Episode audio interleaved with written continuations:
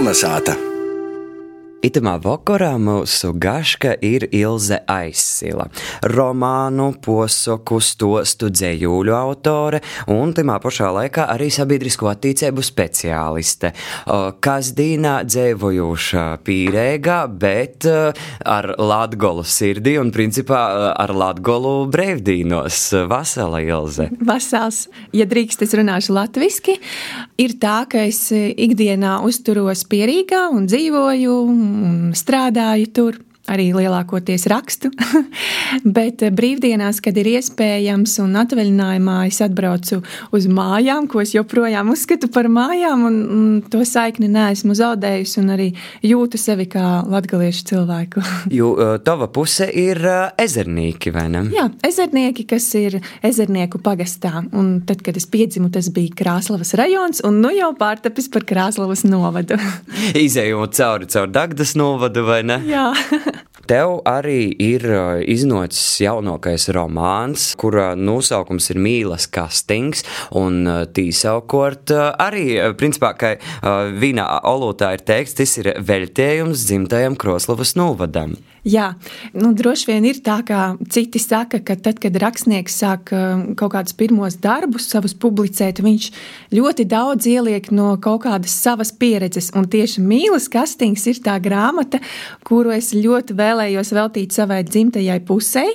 Un es izvēlējos Dagdu kā pilsētu, kur viss notiek, jo tā tomēr ir nu, manā atmiņā tāda tuvākā pilsēta, kas bija pie ezerniekiem, un kur es arī gāju mūzikas skolā un tautas deju ansamblī Dagda.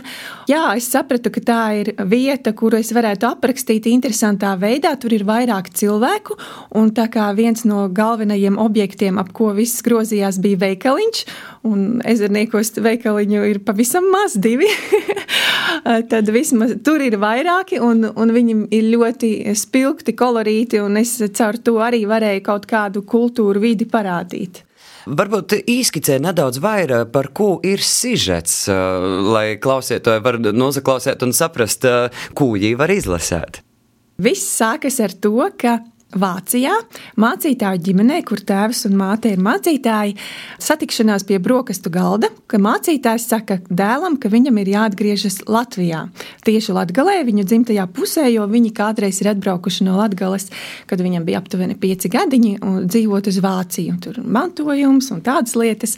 Gribot, negribot piespiež tam dēlam, kuram jau ir aptuveni 26 gadi un divas augstākās izglītības, atgriezties Latvijā.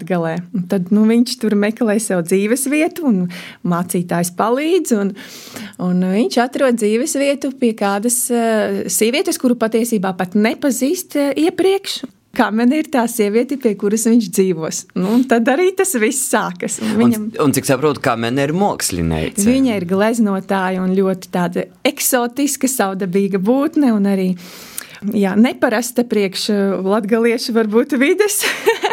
Bet eh, jā, es vēlējos izcelt, varbūt neradīt liekus stereotipus par to, kā dzīvo Latvijā, jo arī šeit dzīvo ļoti dažādi cilvēki un viņu iekšējā pasaule un arī ārējā pasaule kaut kur mēdz nonākt pretrunās, un kā manis tēls ataino to. Bet, principā, rakstot itu romānu, tu tai eh, atsaucies reālam, piemēram, savam atmiņam vai, nezinu, dzīves novērojumiem šeit Latgalā. Protams, es ņēmu vērā savu pieredzi ar to, ko es esmu redzējusi vai piedzīvojusi veikalos Latvijā, maz, mazos veikaliņos, kuros ir preces no kaimiņu valstīm un kuros var nopirkt visdažādākās interesantas lietas. Tāpat arī man bija svarīgi iepīt kādus latgaliešu frāzes, teikumus. Es vēlējos atainot nedaudz no Dagdas un apkaimes tādas turisma vietas, jo es arī esmu drusciņi studējusi turismu, man tas ir svarīgi. Un es arī skatījos, lai atainotu to multikulturālo vidi, kāda ir šeit. Jo, manuprāt, Latvija nebūtu Latvija, ja te nedzīvotu Baltkrievi, Krievi, Ukrāņi, Azerbaidžāņi. Man tas ļoti, ļoti patīk. Un cik mēs runājam arī par sarunas, tad savā ziņā tu minēji arī par valodu. Tātad kamene, viņa ikdienā nerunā latviešu valodā. Un arī Ivo, kurš ir atbraucis no Vācijas, kuram it kā vecāki arī nākuši no Latvijas, viņš tomēr nesaprot to latviešu valodu tik labi. Pat nesaprot, ja tādā līmenī, kā mani saprot. Un, un tieši tāpat kā es varu mierīgi runāt, un, un kaut kādās situācijās noteikti var arī runāt latviešu valodā. Bet Es vēlējos attēlot to tāpēc, ka arī es nāku no multikulturālas ģimenes, jo mana vecmāmiņa ir baltkrieviete, un visi viņas rādi runāja baltkrieviski. Un tad, kad viņa apprecējās ar vectētiņu, kas ir latgalietis, viņa mājās runāja krieviski, tāpēc, ka nevarēja saprasties savās valodās. Un sanāca tā, ka mana mamma runāja latviešu un krieviski, bet tētis latgaliski un latviski, un beigās eh, mēs runājam latviski. un, nu, principā tā ir multikulturalitāte, kā tu arī minēji, nu, jā. nu te ir tāda latgals pazīme. Jo valoda jau ir līdzeklis, lai cilvēki saprastos. Tas nav līdzeklis, lai cilvēku šķirtu, bet lai vienotu. Un kamene arī viņa runā latviski mājās ikdienā, bet viņa mm, saprot un, un, ja vajadzētu, varētu piebalsot iebalsot latgaliski, viņa iet uz baznīcu un tur viss notiek latgaliski. Arī es eh, saviem bērniem, kad kaut ko mācu, baznīcas lietas kaut kāds, piemēram, apzīmēt sevi ar krustazīmi, to viņi māk tikai latgaliski. Tev ir arī savs ēdārs. Kā tu līdz tam nonāci? Jā, tas ir tāds gada projekts bijis. Man ir redz, ļoti paveicies. Pagājušajā gadā es debitēju literatūrā un uzreiz ar trim grāmatām. Un es sapratu, ka man vajag vizītkarti, lai, piemēram, sociālajos tīklos visas ziņas viņas nogrimst zemāk un nav tā pārskatāmība. Un tad es sapratu, ka es vēlos savu mājaslapu. Man bija kaut kāda darba pieredze jau veidot šādas te lapas. Un es esmu tomēr sabiedrisko attiecību speciālists, kas māca gatavot, kā nu prot, bet nu, kaut ko jau raksta un veido. Un uh, man bija ļoti svarīgi ar uh, mājaslapas fonu un attainojumu parādīt to, kāda es esmu kā rakstniece un kādi ir mani darbi. Mans moto ir literatūra sirdī un dzīves priekam. Pirmais, kas nāca, bija logo kuras arī vēlējos parādīt eh, pāva putna spalvu un tādu lidojumu. Un es patiesībā ļoti ilgi meklēju, kas man uzzīmēs zīmējumus tādus, kā es iztēlojos, jo es rakstu dažādām auditorijām. Un es meklēju sociālajos tīklos mākslinieku, kas atbilstu manām prasībām. un es atradu Kanāriju salās un Spānijā Mimi mm. Valbuena. Nu, viņa sauc Mirjam Valbuena. Un, uh, te nu ir droši vien interesanti fakti par manu dzīvi, kā tad es nokļuvu līdz tam, ka es arī spāniski varu runāt un lasīt. Un, kad es gāju augstskolā, man bija iespēja, man piedāvāja Latvijas universitāte e, doties viesstudijās uz Vāciju, uz Rostoku. Un tur es iepazinos ne tikai ar vāciešiem, bet arī ar spāņiem. Un joprojām mēs draudzējamies. Un tad es sapratu, es ļoti bieži biju situācijās, kad visi runā spāniski, un es neko nesaprotu. Un tā dzīve mani piespieda ar vien vairāk padomāt par to, vai es nevēlos iemācīties šo valodu.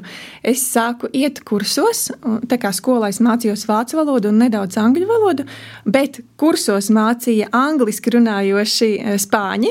tad man noderēja arī angļu valoda, lai es iemācītos spāņu valodu. Un tad es sarunājos ar to meiteni mākslinieci spāniski, jo viņa citās valodās nerunā. Kas ir spāņi, man liekas, diezgan bieži vārojam, tāpat kā francūžim un, un vocīšim ar. Jā, un, un redz, kā ir. Es it kā vadības zinātnes un ekonomiku mācījos, bet valoda visur man ir palīdzējusi dzīvē. Un, un šobrīd e, latgaliešu valodu es arī redzu jau kā, kā valodu, kas man pat palīdz manos raksta darbos. Un uh, latviešu valodu arvien vairāk mācos kopt, lasu arī citu autoru darbus. Un, jā, un man bija svarīgi, ka es savā mājaslapā attainoju savus darbus, parādu savu darbu piemērus, jo tie, kas nav gatavi paņemt uzreiz 400 lapus romānu lasīt, viņi var izlasīt vismaz stilu manu redzēt, to kādu humoristisku un tādu nepārāk nopietnu. Ja ir interese, es varu izstāstīt, ar ko es vēl nodarbojos. Un, Iespējams, eh, tas ir arī bijis lūzuma punkts manā dzīvē, kā es sāku rakstīt. Bija ilgs periods, kad es meklēju sevi, jo man kaut kā likās, nu, nē, es nu, esmu īsti ekonomists un, un vadības zinātnes man interesē tikai kā zinātne, un uh, rakstīt man patīk. Un es ļoti ilgi domāju, nu, kas es varētu būt, ko es varētu vēl darīt, jo ņemot vērā to, ka man bija labas atzīmes, nu, lielākajā daļā priekšmetu, es saskāros ar problēmu, ka es nezinu, kas man patīk visvairāk. Un tad um, kaut kā ik pa brīdim man dzīve rādīja, ka man varētu patikt rakstniecība, bet es nekad tam neesmu pievērsusi lielāku uzmanību.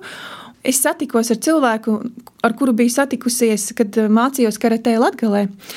Tas šobrīd ir eh, cilvēks, kurš man māca zobenu cīņas, samuraju cīņas mākslu. Un tad eh, man bija iespēja aizbraukt uz Japānu, tikties ar senseju, kurš daudzus, daudzus gadus, viens no vecākajiem bija sensejiem, un viņš rādīja un mācīja arī mums tās zināšanas. Un tad notika kaut kāds lūzuma punkts. Es vairāk pievērsos tādai nu, meditatīvai darbībai ar koku zobeniem un, un arī ar īsto. Pamazām atvērās dzīvē man dažādas jaunas iespējas, jauni cilvēki, un parādījās pēkšņi iespēja piedalīties konkursā, ko man arī uh, draudzene ieteica. Un tā es piedaloties trīs konkursos, uh, arī tās grāmatas uh, izdevu. Divas no tām bija izdevniecību, un savukārt viens radīts pašvaldības projekts. Kad es uzrakstīju pirmo manuskriptu, man bija skaidrs, ka man sanāk rakstīt. Es gan nezināju, vai nu, aizies tālāk tie darbi vai kā, bet ka man patīk un ka man tas sniedz, es stundām varēju naktīm rakstīt, bet ka man tas sniedz papildus enerģiju. Un tad es sāku domāt, vai es varu kaut kā uzzināt, kā pareizi rakstīt, ko man darīt. Un tad es sāku meklēt informāciju, sāku sekot sociālajos tīklos citiem tādiem rakstošajiem cilvēkiem, un uh, pamanīju, ka ir tāda literāra akadēmija. Tad es gāju tur kursus, tad es gāju dramaturģijas kursus pie Laura Gundara, un šobrīd es turpinu uh, mācības pie Jūras literārajā akadēmijā. Nākotnē man vēl ir plāns varbūt kaut ko ar dzēju pamācīties. Tā kā ir jāattīstās, un man patīk eksperimentēt eksperimentēt, izmēģināt, un tas droši vien ir arī vienīgais ceļš uz kaut kādu izaugsmu, jebkurā jomā. Bet dzējā tev ir pseidonīms, proti, Luna. Par ko teici? Tieši saistībā ar spāņu valodu, lai gan sakrīt arī ar krievu valodu, un arī te mēs redzam, kā tās valodas patiesībā mūs vieno.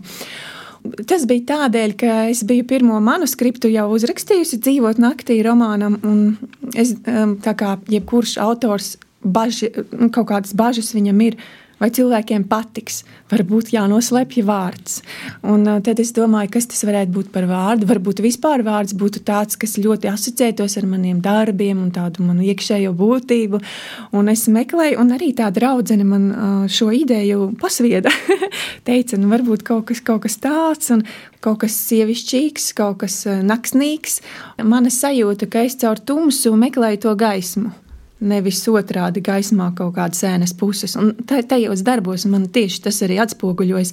To arī bieži vien dažādi psihologi saka, ka, teiksim, sāras un traģiskus notikumus satrīc tieši prīksi smīkli. Jā. Jā, un patiesībā, protams, ka ir ļoti grūti rakstīt kaut ko, par ko cilvēki smietos.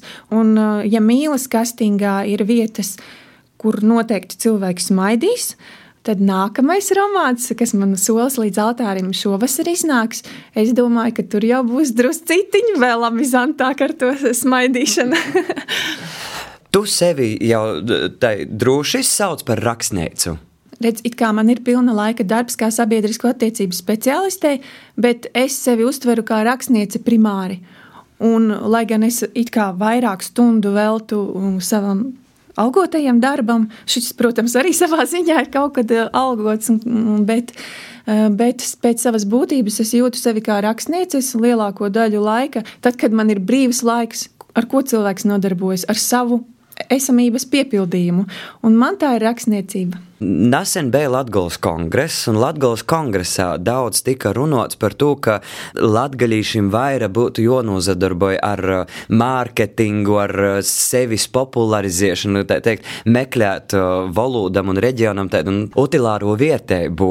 Kā mums ir ar visam itam lītam, ar sevis pozicionēšanu, sevis iznešanu orā? Es domāju, daudz kas ir tādā intuitīvā līmenī vismaz. Mm, kā tas parasti notiek. Tas notiek kaut kā dabiski.